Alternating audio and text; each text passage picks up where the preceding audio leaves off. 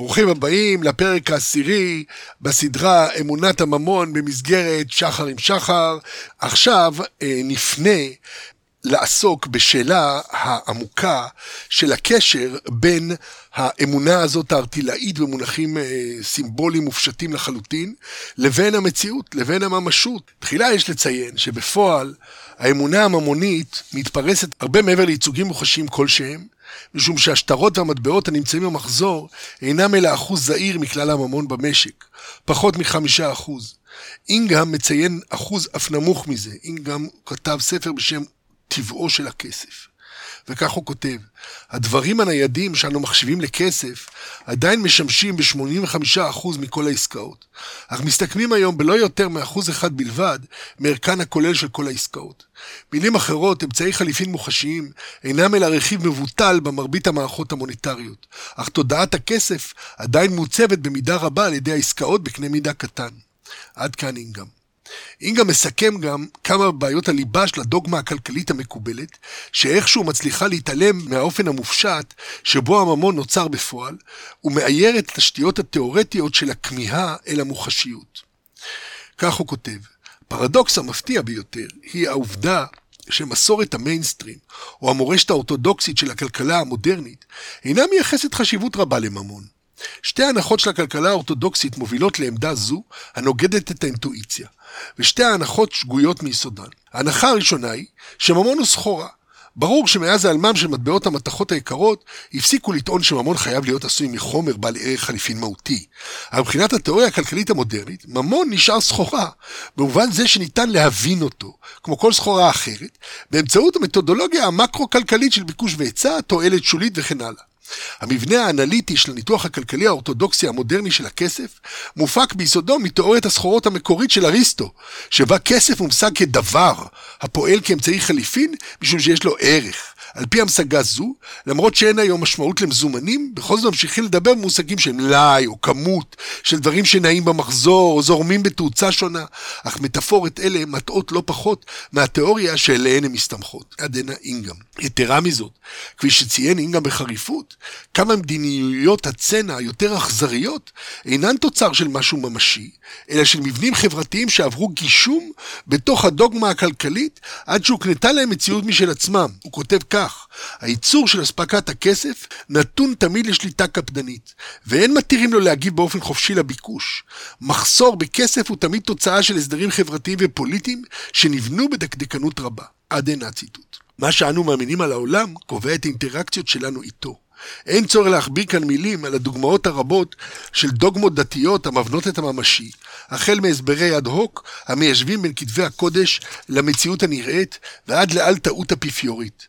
אך גם במדע האמונה שלנו בהסברים השונים שמציעים תחומים מדעיים כאלה ואחרים מקיפה את כל תפיסת המציאות שלנו, כפי שכותב שייפין בספרו אמון, יושרה והסמכות של המדע, מרבית הידע הפורמלי שלנו על עולם הטבע נגזר אך ורק ממה שמדענים מספרים לנו, או ליתר דיוק, מה שמספרים לנו אנשים שנראים כדובריהם של המדענים. אם אנו יודעים משהו על כל הדברים הללו, הרי שאנו מקבלים מתוך אמונה את עקרונות האווירודינמיקה וההידרוסטטיקה, את תפקיד ה-DNA בתורשה ואת המבנה הכימי של הבנזין. עד הנה הציטוט. כך אנו מאמינים למעשה במה שמדענים מאמינים, ואמונה זו מייצגת עבורנו את הממשות.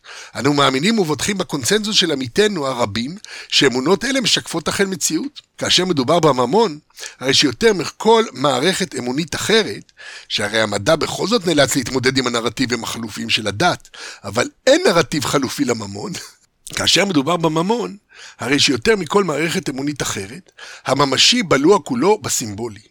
ערכה של כל המציאות כולה ממופה על גבי הצורות הממוניות. הכל נבלע בסימבולי, ואנו מוכנים בכל עת להמיר את כל הנכסים המוצרים הטובין ואת עצם זרם חיינו הממשי לערכים המוכלים על פי אמונתנו בצורות הסימבוליות של הממון. אנו נחים לבטח באמונה שהערך הכלול בצורה שקיבלנו עבור טובנו, הרי הוא בר העברה לצורות אחרות המכילות ערך באינטראקציות עתידיות בעולם החברתי. כמו יכולות אנושיות רבות אחרות, שנבנות ומטופחות למען העתיד, כמו כל צורות הלמידה, פיתוחם של כישורים ואימוני כוח או וירטואוזיות, שבהם השקעה בהווה מכוונת לצריכה בעתיד, ובכך מגבירה את העוצמה והפוטנציאל של היחיד במפגשים אנושיים עתידיים, כגון מופע וירטואוזי, קרב אפי וכו', גם הצבירה של ערך בצורות ממוניות מופשטות, מהווה דרך לרכוש עוצמה לטובת מגעים עתידיים בעולם האנושי. עצם הצבירה אף מגבירה את היוקרה של הצובר. מלומד בעל שם, לוחם אימתני, סוחר, עשיר, כולם נהנים מיוקרת עוצמתם הפוטנציאלית על סמך הגירה. אמנם הפוטנציאל שמייצג הממון עבור אינטראקציות עתידיות, פוטנציאל שהוא תקווה מבוססת על שכנוע אמוני עמוק, חשוב לנו יותר מכל דבר בעל תועלת מוחשית מיידית. באשר הכל בר המרה לממון, וממון הוא בר המרה לכל. הממון הוא באופן מוחשי ביותר הגילום של הפך הממרה על ציפור עדיפה ביד, שכן הוא ממירים בשמחה את הציפור ביד לטובת ציפור עתידית, שכרגע היא עדיין בין השיחים. למעשה, אנחנו משחררים לאחרים את הציפורים ביד, תמורת הבטחה לטובת צריכה עתידית. ואם נאגור את ערכן של די ציפורים בצורות ממוניות, יש אפשרות שיום אחד נוכל לקנות את כל השיח, שבו מצייצות הציפורים ההן שטרם נלכדו, או אפילו את גושי הקרקעות שבהן צומחים למכביר שיחי הציפורים ההן. המחזיק בערך המוכל בתוך צורה ממונית, נטוע בתוך קהילת המאמינים, ונסמך על האמונה הקונסנזואלית שיש לצורה הממונית שלו את הכוח להבטיח לו טובין ממשיים בעסקאות עתידיות. אפילו בהתרסקות הגדולה של שוק הדירות בשנת 2008, שנכסים ממשיים, בתים, עמדו כביכול בליבה, לא נכסי הנדל"ן עברו את עיקר הבעיה, אלא ערכם שהועתק לצורות מופשטות, אגרות חוב שייצגו מחויבויות עתידית לשלם החזרים יותר ויותר גדולים.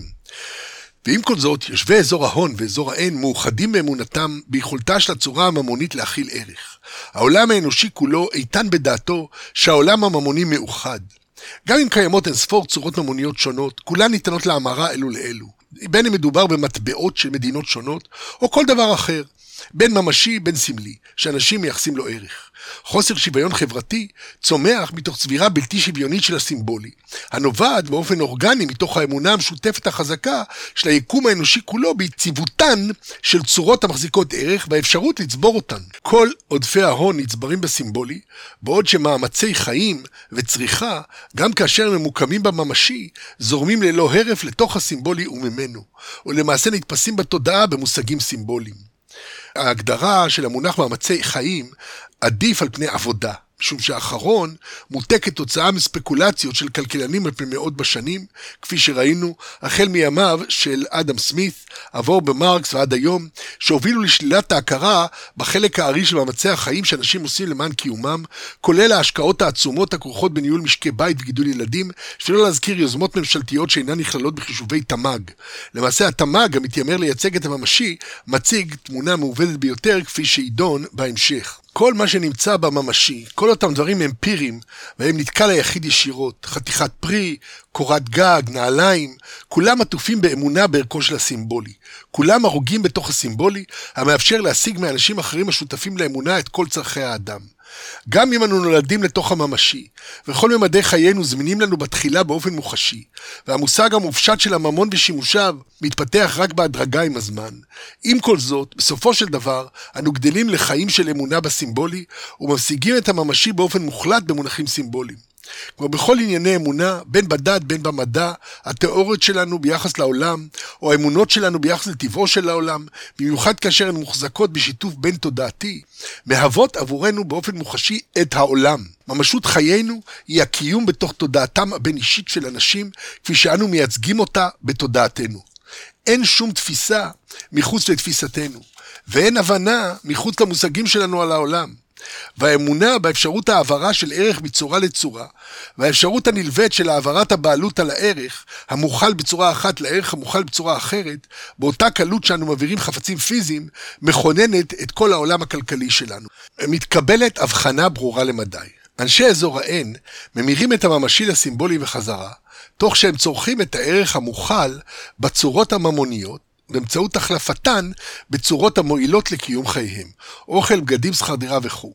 דיירי אזור ההון, לעומת זאת, נהנים מעודפים עצומים של הסימבולי, שהם ממירים לעיתים לממשי, אך בעיקר מפעילים כדי להשיג עוד ערך סימבולי, בלא שיצטרכו לעבור דרך הממשי.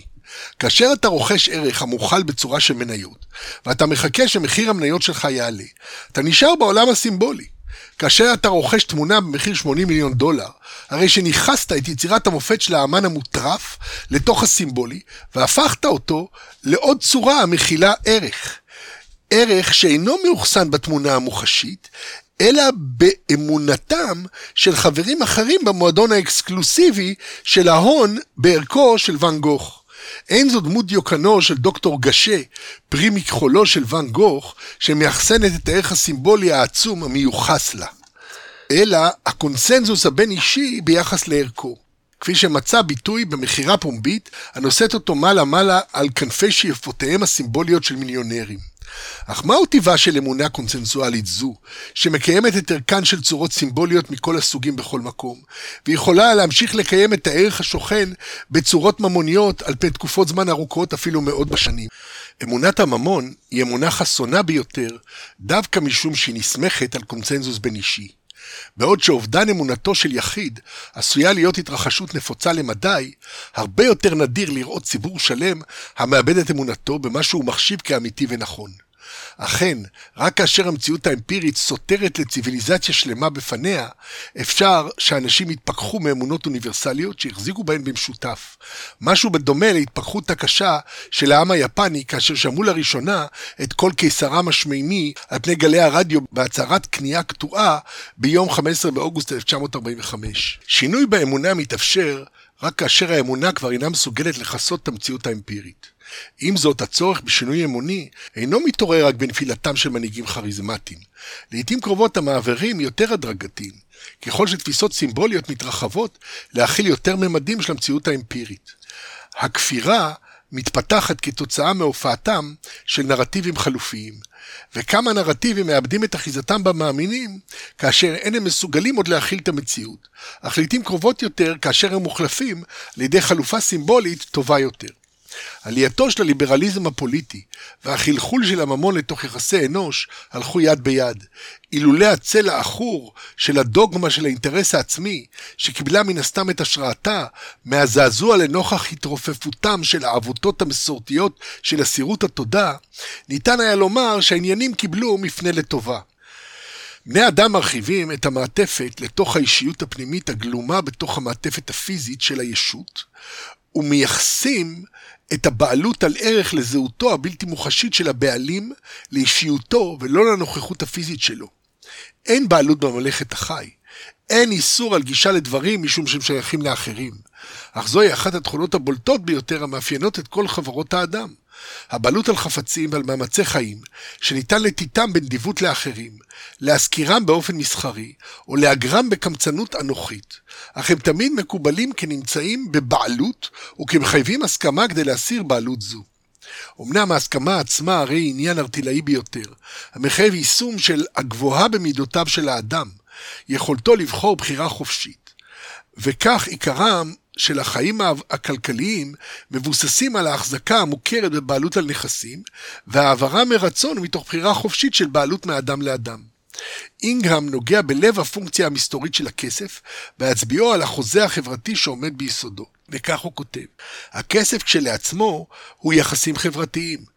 כלומר, כסף הוא זכות או אשראי שיוצרים יחסים חברתיים הקיימים באופן שאינו תלוי בייצור ובחילופין של סחורות.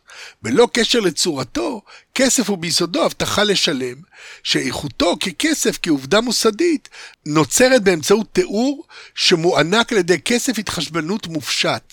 במובן הבסיסי ביותר, המחזיק בכסף הוא נושה של סחורות. עד כאן מאינגהם. ברור שבאמירה בלא קשר לצורתו, אינגהם עומד על סף ההבחנה בטבעו של הכסף כצורה המכילה ערך. אך המיקוד של אינגן במונחי החשבונאות הדו-צדדית המודרנית מסיטה אותו מהבנת טבעו היסודי של הממון כנשא של בעלות ולא של חובות. הבעלות קודמת לחוב, משום שרק אם אני הבעלים של משהו, בעלות זו מוסכמת באופן אינטר-סובייקטיבי, יהיה ביכולתי להעניק לך את אותו משהו. ואז אתה תהיה חייב לי, משום שאני הבעלים. אם מה שאני מעניק לך אינו בבעלותי, לא תיווצר כלפיך תביעת חוב. אם גנבתי את הדבר ואין הוא שלי באופן לגיטימי, לא תהיה חייב לי אותו אם אתן אותו לך. החוב כשלעצמו אינו עניין יסודי, אלא נובע מתוך הבעלות. בכלכלה המודרנית הבעלות מובטחת באמצעות רשומות דקדקניות ויער עצום של גבולות משפטיים עם הריבון כעוקף האולטימטיבי. כך שהמטבע הריבוני מייצג את הסמכות לאכוף את פונקציית העברת הבעלות של הממון. אמנם שכבה זו של עקיפה מונחת מעל המודעות החברתית היסודית של הבעלות. אני אנושי, ולכן יש לי יכולת להיות בעלים של דברים. ואם אני נותן את מה שנמצא בבעלותי לאחר, אותו אחר חייב לי, והוא יכול לפתור את החוב רק באמצעות העברה נגדית של בעלות על ערך זהה. יתרה מזאת, הקניין כרוך ומלופף באישיות של הבעלים, ובעומק החליפין מחליף הבעלים באופן סימבולי את עצמו בעצמיות האחר. זהו גם עומקו של רעיון הכפרה, הקשור אף הוא בתודעת הקניין, באשר המכפר נותן משהו משלו, שאמור לפצות על הפגיעה שפגע, בין אם הוא מקריב קורבן או מקבל על עצמו עונש. הרעיון שעונש מוחק אשמה, וסחר החליפין של צדק נקמני, קשורים אל הרעיון הזה שניתן להחליף קניינים, ושקניין שווה ערך אחד יכול לכפר כנגד קניין שני השווה לו. בוודאי שבקרב בני אדם, מעניקי מתנות הם הבעלים של מתנותיהם לפני הנתינה. והמקבלים, אם יאותו לקבל את המתנה, נושאים עתה בחוב. העברת הבעלות מאדם לאדם נחשבת כפייה בלתי לגיטימית כאשר היא נעשית בכוח, ולגיטימית כאשר היא נעשית מרצון. אותו חפץ, או אפילו ייצוג של חפץ, המועבר מאדם לאדם, הוא גנוב ונלקח בכוח, מתנה אם ניתן ללא תמורה כספית, או רכישה אם שולמה עבורו תמורה הולמת. כל התהליכים האלה קשורים אל התודעות של האנשים המעורבים בהם. הגזלן והנגזל, נותן המתנה ומקבלה, המוכר והקונה, והמערך הספציפי של העסקה קובע גם את היחסים ביניהם כעושק, כעושק ועשוק, נדיב ואסיר תודה, או סוחרים בהתאמה. אנשים ניחנו ביכולת ייחודית לאמוד את הערך של קנייניהם. ביטויים כמו לא יסולא בפז או כקליפת השום מייחסים לקניינים תכונה המוקרנת אליהם מתוך פנימיותו של היחיד. למרות שהמונחים ערך ושווי משמשים בדרך כלל כמילים נרדפות, בהקשר הנוכחי ניתן למקדן בהתאמה כמבטאות את המרחב הסובייקטיבי הפנימי, המכיר בערך, לעומת המרחב האינטרסובייקטיבי החיצוני, המכיר בשווי. הערך הוא אותה תכונה מיוחדת שאנשים יודעים לייחס לקנייניהם ולאמוד את יוקרתם ואת חשיבותם עבורם. הערך הזה קשור קשר אמיץ אל תחושת הקניין הסובייקטיבית היסודית, כפי שניתן לראות באופן מודגש כאשר מדובר בערך סנטימנטלי, ערכו של העצם המעבירי וערכן של מתנות סימבוליות. אך היא קיימת למעשה בכל קניין באשר הוא. שבעליו תמיד מייחסים לו ערך, וכאשר הם מפסיקים לייחס לו ערך, הם עשויים להשליכו, לתיתו לאחר, או פשוט להפקירו. אל מול הערך ניצב השווי, המתרחש בזירה האינטרסובייקטיבית, ו- ותלוי בדעתם של אחרים. בעוד שהערך הוא ארטילאי ונתון כולו לנטיות הספציפיות של הסובייקט, השווי מוחצן יותר ונתון להכרעות של קונצנזוס ציבורי ביחס למחיר. אם השלכת את ספת הזנוצי שרכשת אשתקד, כי כבר אינה, אינך רואה בה ערך, אין זה אומר שאין היא שווה בעיני אחרים שכן ימצאו בה ערך. אם תרצה למכור אותה, תוכל להמיר את ערכה על השווי הנאמד במחיר. וכמובן שביחס לשווי צריך להגיע לעמק השווה, כלומר להסכים עם אחרים על מחיר. העולם המושגי המשותף מלפף את הצורות החיצוניות ומקפל אותן בקרבו. הצורה החיצונית של החפץ הקנוי למשל, אגרטל, נישאת בתוך העולם המושגי של האישיות הסובייקטיבית, הן מצד ההגדרה הסמנטית שמדובר באגרטל, הן מצד ייחוס הערך לפריט זה, ערך פונקציונלי כדי לשים בו פרחים, או ערך סנטימנטלי, זה היה האגרטל האהוב על סבתי, או ערך יוקרתי, זהו אגרטל סיני נדיר משושלת מינג. בכל מקרה, האישיות עוטפת האגרטל במושגיה ומקנה לו את ערכו. לערך הפנימי המיוחס על ידי סובייקטים, לצורה הנמצאת ברשותם, יש משמעות גדולה מהצורה עצמה. ערך זה הוא מעין הרחבה של תחושת העניות של האישות עצמה אל תוך החפץ. אותה תחושת קניין מופשטת המקשרת בין הצורה החיצונית לבין התודעה הפנימית של הסובייקט המחזיק בה כקניין. במידה ורוצים לנתק את הזיקה של הקניין מאדם אחד ולהעבירה לאחר, דרושה הסכמה של היחיד להעביר את הערך שברשותו, העטוף בצורה, אל אדם אחר. במקרה של גזלה או גניבה, שבהם אין הסכמה, ברור לכל שהקניין הגזול או הגנוב שייך עדיין לנגזל ולנגנב, גם אם הוא ברשותו של הגזלן או הגנב.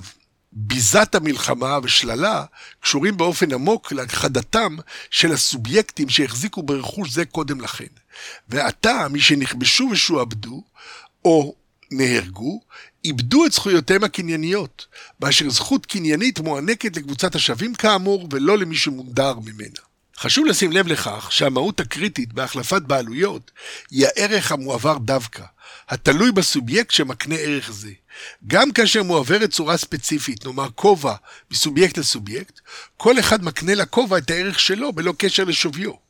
כך למשל, אם הכובע הושלך לאשפה והתרוקן מתוכנו עבור סובייקט אחד, יכול סובייקט אחר למצוא אותו ולחבוש אותו כי מצא בו ערך. ואם הכובע הוצע למכירה, הרי הוא וערכו יועברו אל הקונה. חשוב לעמוד על נקודה מרכזית זו של הקישור בין תחושת הקניין הסובייקטיבית ביחס לצורה כלשהי והערך המיוחס לה, באשר הממון משחרר את הערך מתוך הצורות ומעביר אותו אל עצמו, אל צורה סימבולית שכל עניינה הוא לשאת ערך.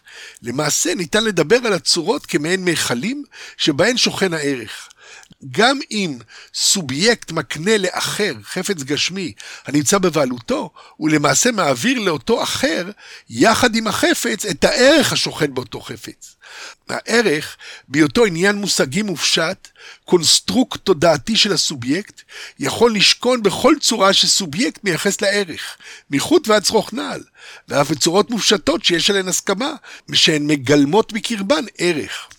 למעשה, צורות אלה נעשות מבוקשות ביותר מעצם ההסכמה הנרחבת עליהן. לא כל אחד צריך חוטים ושוחי נעליים, ולכן ערכם נשאר סובייקטיבי ונתון לצרכיו של כל סובייקט.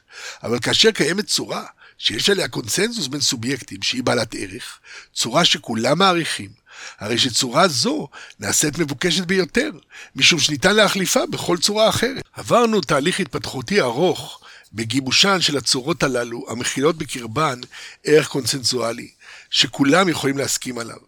תהליך שהונע בעיקר על ידי אנשים שהיה להם ערך רב מאוד, וחיפשו דרך לצקת אותו באמצעים שיקלו על שמירתו והעברתו.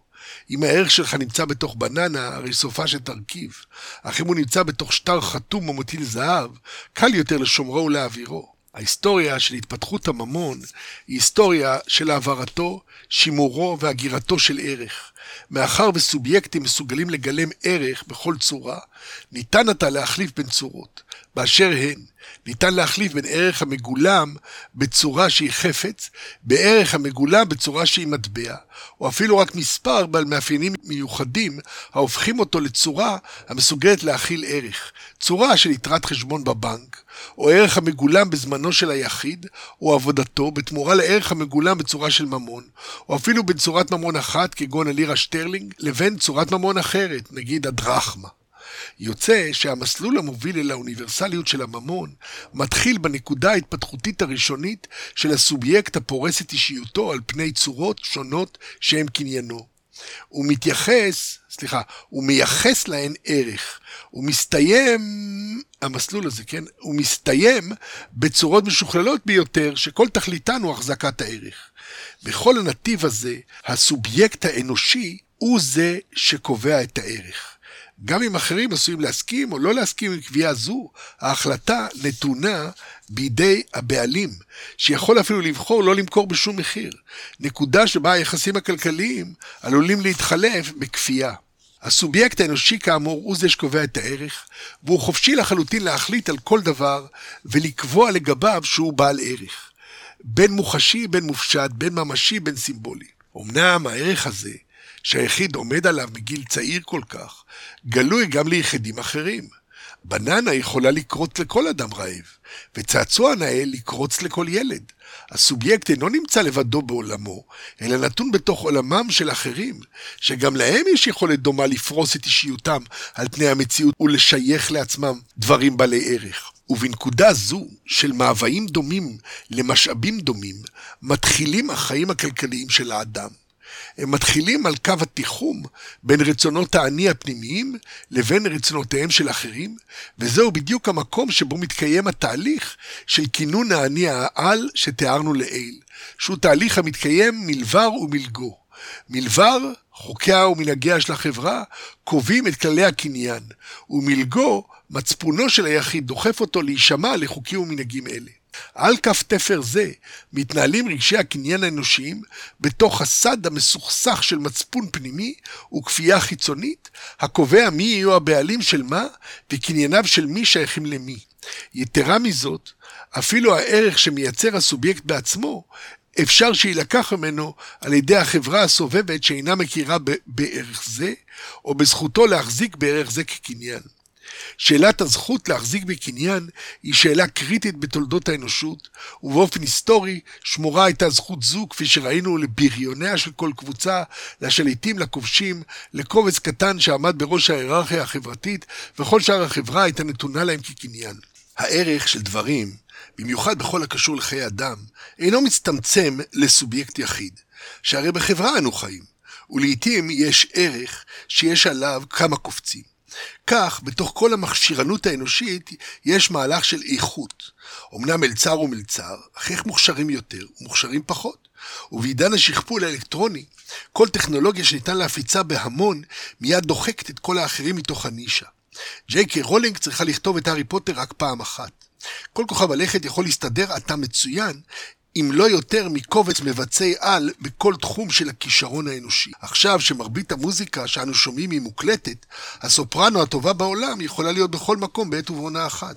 ומאחר ואין זה עולה יותר לשכפל את הקלטות המאסטר של האריות של מוצרט מפי, מפי קת'לין באטל, מאשר מזו שלומדת אצלה, הרי שרוב האנשים יעדיפו להאזין לבטל מאשר לזמרת אחרת שנופלת ממנה רק במעט. זה היה ציטוט מתוך פרנק וקוק, שכתבו, אה, חברת המנצח לוקח את הכל. למה כמה אנשים בצמרת מקבלים כל כך הרבה יותר מאשר שאר בני האדם. עכשיו נדון מעט בערך כשפה אוניברסלית. ברגע שאנשים מאמינים בצורה כמכילה ערך, היא מתקבלת על דעת כל בני האמונה.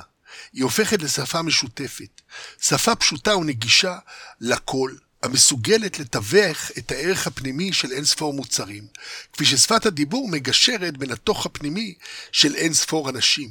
כל העצמים מאוחדים על ידי ערך הגלום בהם, כך שאין צורך כבר לשאול מה, אלא רק כמה. באשר המה הוא כל שתבקש. הממון מאפשר אחדות כלל אנושית, משום שהוא מאפשר ייחוס של ערך לצורה הניתנת להעברה מאדם לאדם ומדבר לדבר. דברים מגוונים כמו טירות ופרוסות לחם נמדדים באופן שווה ביחידות מוסכמות של שווי נקוב. הערך של כל דבר הוא בר המרה לערך שנלכד ונספר בצורות ממוניות. המספרים הפכו לצורות הסימבוליות האולטימטיביות וליסוד כל פעילות כלכלית. בדיוק כפי שהם הפכו ליסוד שעליו נשען כל עולם המדע והטכנולוגיה.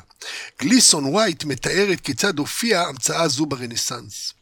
הייתה זו שיטת חישוב שייתרה את הצורך בחשבונייה, ואפשרה את מה שנראה לנו היום מובן מאליו, חיבור, חיסור, כפל וחילוק של ספרות הודו-ערביות, תוך שימוש בעט ונייר במקום השיטה הישנה שהצריכה שני שלבים, חישוב הסכום בחשבונייה, ולאחריו תיעוד הסכום בספרות רומיות, בלא להשאיר זכר כתוב לחשבון עצמו. זה מתוך גליסון ווייט, אה, הנהלת חשבונות כפולה, כיצד הסוחרים של ונציה עיצבו את העולם המודרני, וכיצד המצאתם יכולה אה, ל, ל, ל, ליצור או לשבור את, ה, את כוכב הלכת.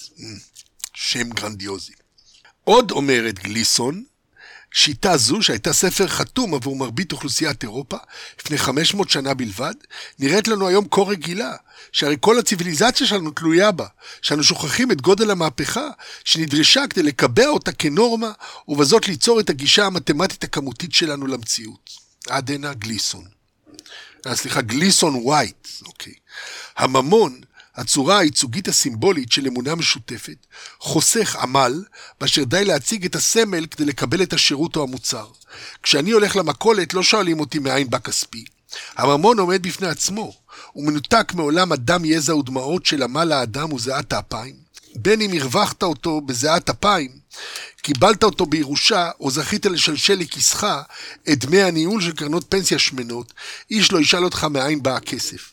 הממון הוא בלתי אישי, גם כאשר החליפין מתבצעים מתוך חשבונות ממוספרים. כי ברגע העסקה, היחיד הספציפי המבצע את העסקה הוא משנין ללגיטימיות של העסקה. הוא רק זה שיש לו את הזכות לחייב את הבנק לפרוע את חובו מהכסף בחשבונו, בין אם מופקד על ידו, בין אם הוא עבר לו כהלוואה על ידי הבנק, והבנק המשלם ירשום לעצמו פלוס עבור העברת הכסף, כי הוא שילם לך את מה שהיה חייב לך, בעוד שהבנק המקבל ירשום לעצמו מינוס, כי הוא חייב עתה את הכסף לבעלי הסופרמרקט. אל דאגה, היפוך העולמות הוא בחשבון העצמי של הבנק. חשבון העו"ש שלך יראה מינוס, וחשבון העו"ש של הסופרמרקט יראה פלוס. לכן הבנקים אוהבים לתת הלוואות לבעלי ממון, למרות שבעלי הממון לא זקוקים להלוואה. פשוט, ההון המופקד מופיע אצל הבנק בסימן מינוס, הרי הם חייבים אותו לבעלי ההון. ורק כאשר הבנק רושם הלוואה וחייבים לו, הוא יכול לסמן לעצמו פלוס. אמנם הדרישה לבטוחות מסגירה את המשחק שמאחורי הנהלת החשבונות המאולצת הזאת. אז התברר שהפלוס האמיתי אין לו דבר וחצי דבר עם הפלוס החשבונאי. מאחר והאמונה בערך היא מחוללת הליבה של הערך, והאמון בממון הוא הגורם שהופך אותו לממון. מעריכי אמינות ושמאי אמון זוכים להשפעה משמעותית בכלכלות מודרניות. הערכתם של סיכונים היא קלט חיוני עבור מערכת האמונה האישית של אדם המנסה לצפות את העתיד, כאשר הוא מתכונן להעביר את הערך שברשותו מצורה לצורה. האם תצליח הצורה החדשה לשמור על ערכה? אולי אפילו לעלות בערכה? אנשים מודעים לחלוטין לכך שגם כאשר המחיר הוא טוב ברגע מסוים בזמן, אין ספק שהוא ישתנה בעתיד ויסטה משוויו הנוכחי. מודעות זו משפיעה על מידת הביקוש שיש לצורה, משום שהמחירים האינטרסובייקטיביים משפיעים על הערכה הסובייקטיבית של הערך. באופן זה הופכות האמונות הצופות את פני העתיד לכוח המרכזי של שינוי בהווה. סיכונים ובטוחות משמשים כצידוקים לתמחור הלוואות. כאשר קיימות בטוחות המשועבדות לטובת המלווה, האמונה היחידה הדרושה היא בערך הבטוחה, שהוא עניין משמעותי בפני עצמו לנוכח הקריסות התקופתיות שבהן ערך הבטוחה נמחק ומלוא הסיכון שוב עולה. אמנם, סיכון הוא נרטיב בפני עצמו, המשמש להצדיק מחירים גבוהים יותר עבור סיכונים גבוהים יותר.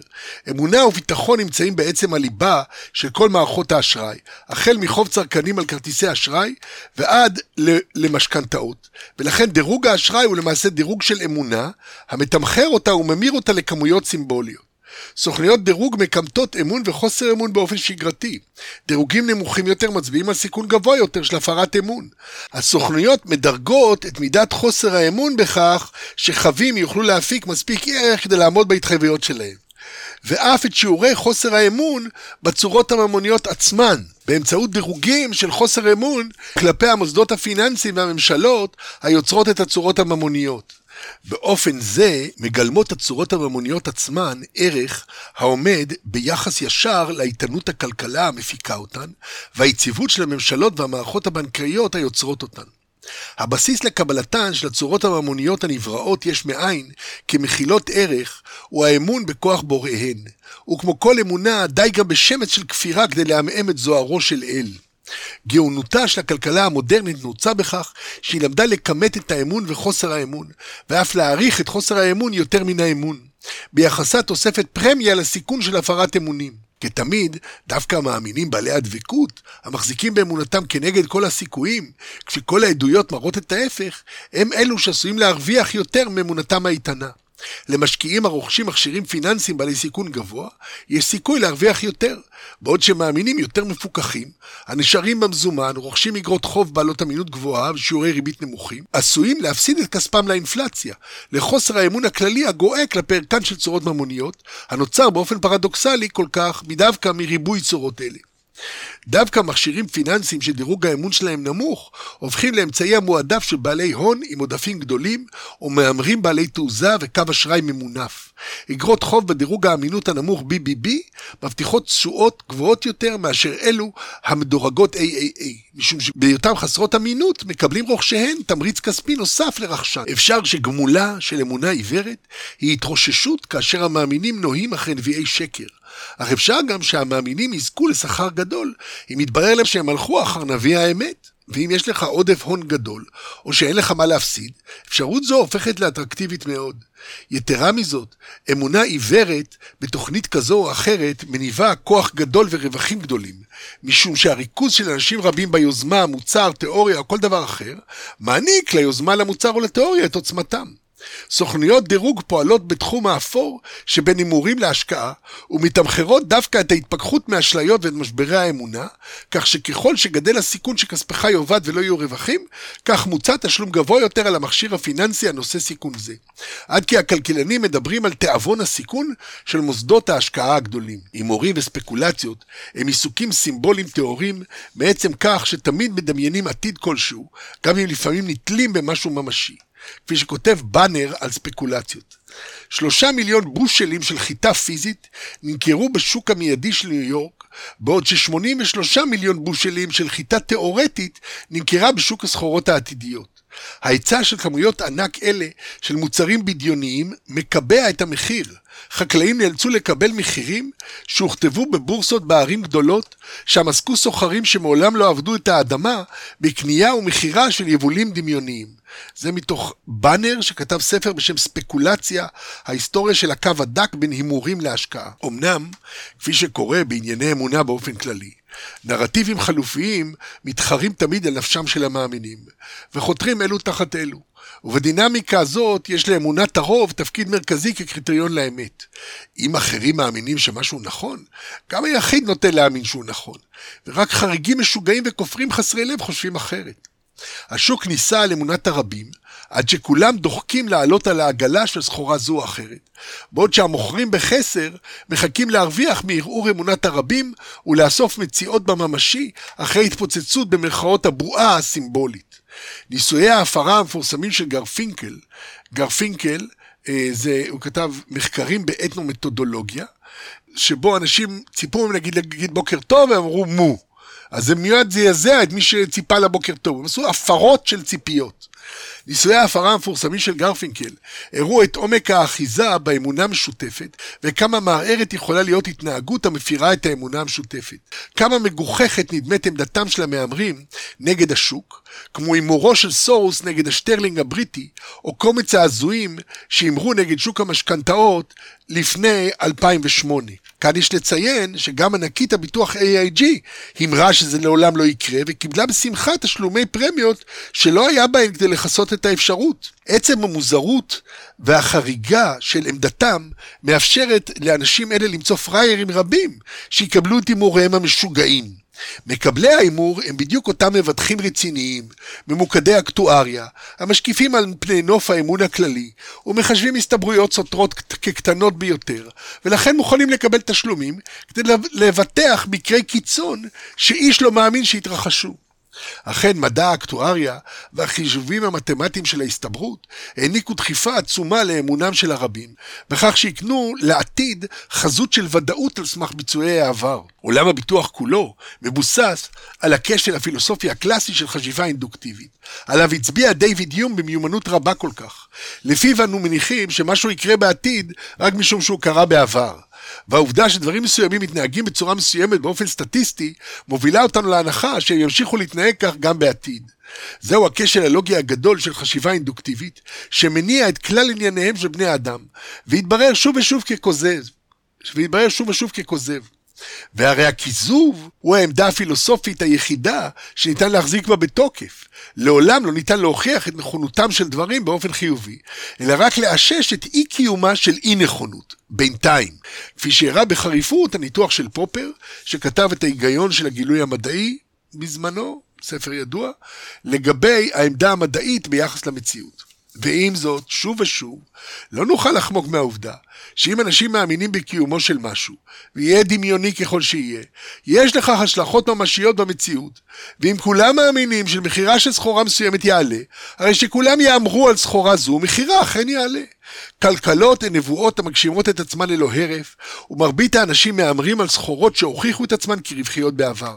אכן, הקו הדק המפריד בין ההימורים של הכלכלה לבין אלו של הקזינו, הוא בהשפעת המהמר עצמו על תוצאות ההימור. בעוד שבהימורים, המזל האקראי קובע את התוצאה, בפעילות כלכלית התוצאה מושפעת מהתנהגותם ומאמונתם של אחרים, ואנשים נוטים להשקיע במה שאחרים משקיעים, ובכך מרזקים את המגמה.